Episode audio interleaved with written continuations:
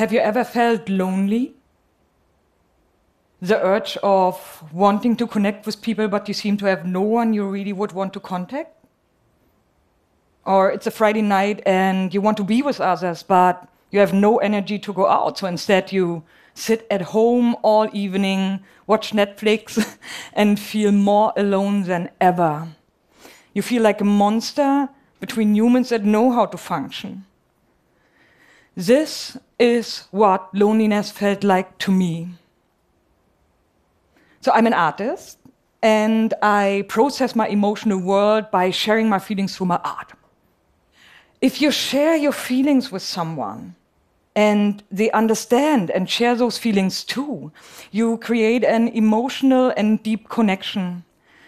This is why you can be surrounded by hundreds of people, jump from one Tinder date to the next, but still feel lonely.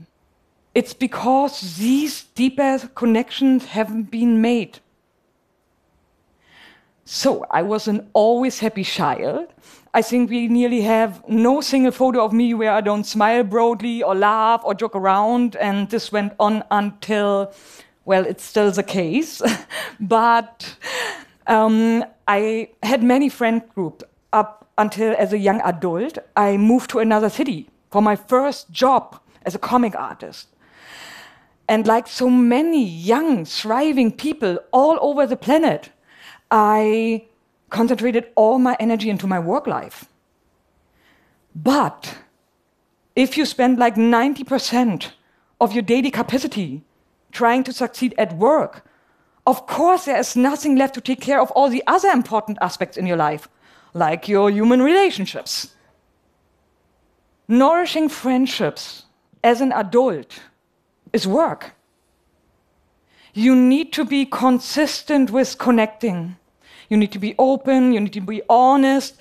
And this is all I struggled with because I tend to camouflage my real feelings by trying to appear always happy and trying to make everyone else happy too by trying to fix their problems.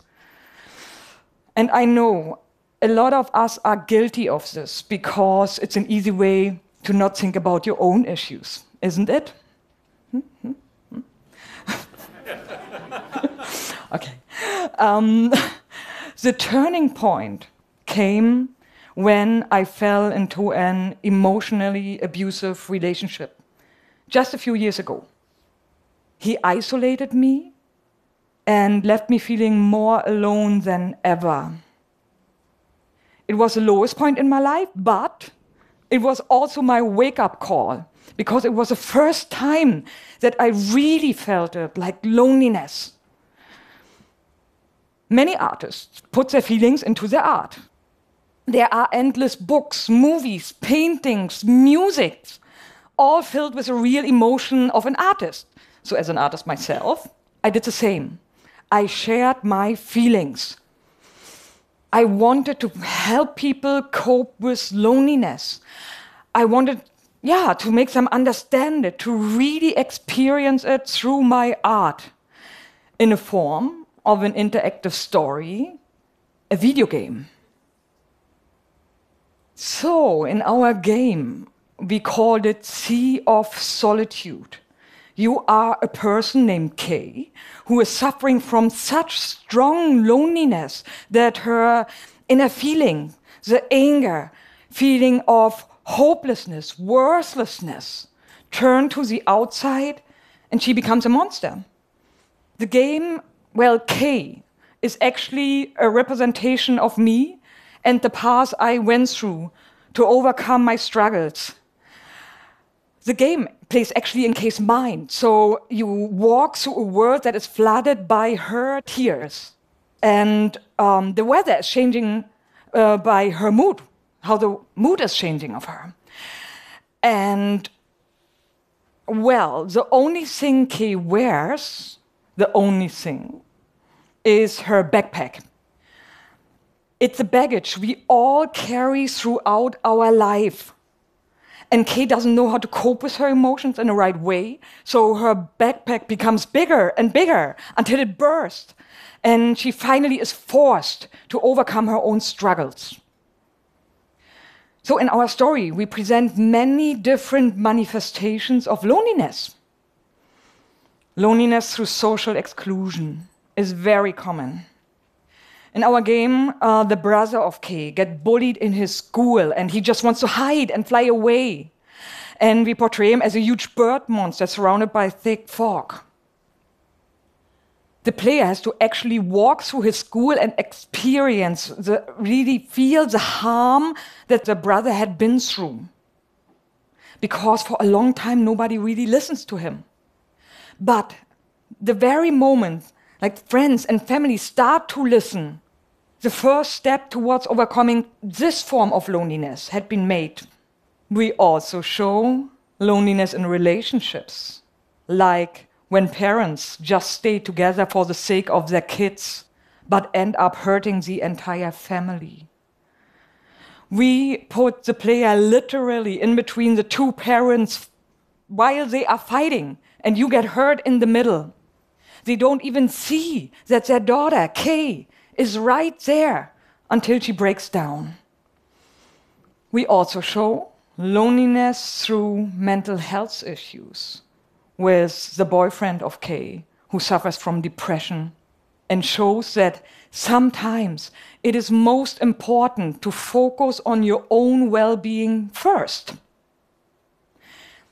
The boyfriend um, also tends to camouflage his feelings, um, so he appears like a lone, shiny white wolf.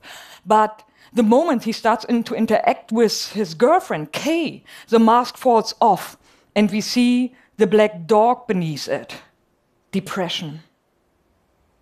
Sometimes we put on a smile instead of dealing with the issues at hand, and that can ultimately make it worse, affect the people around us, and damage our relationships. So, Kay herself, we portray as ripped apart into her basic emotions.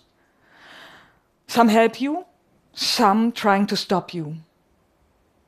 Self doubt is a huge creature, always telling Kay how worthless she is and that she should just give up. Like in real life, self doubt is blocking the path and it seems impossible to overcome it. Destroying the omnipresence of self doubt is a slow process but in the game like you slowly like shrink her. So she turns from self-doubt to actually healthy doubt and you can finally trust her advice. We also show self-destruction. It's a huge monster always lurking nearby under the water surface self-destruction is actually the main antagonist of the game and she is always trying to drown you in the ocean of tears but when she actually drowns you, you wake up just a few moments ago and you have a chance to progress again. We wanted to show that we all go through hardships in our life, we all. But if you at, at least like stand up and try to move forward, you are very likely to make it through your struggles, like step by step. Joy Joy is something that Kay cannot really embrace or touch. It's always something uh, in the distance. We portray Joy as a child version of Kay, like with a yellow raincoat, so she is invulnerable to the ocean of tears. But Joy can also turn into obsession and start to be actually harmful for Kay, like when she starts obsessing over her boyfriend. Joy will not turn back to normal until Kay is realizing that her happiness should not depend on anybody else but herself. So, our monsters appear huge and scary, but if you overcome your reluctance and approach them, you soon see that they are no monsters at all, but just fragile beings that are simply overwhelmed by what life throws at them. all of those emotions, be it self doubt or even self destruction, don't completely vanish in our game.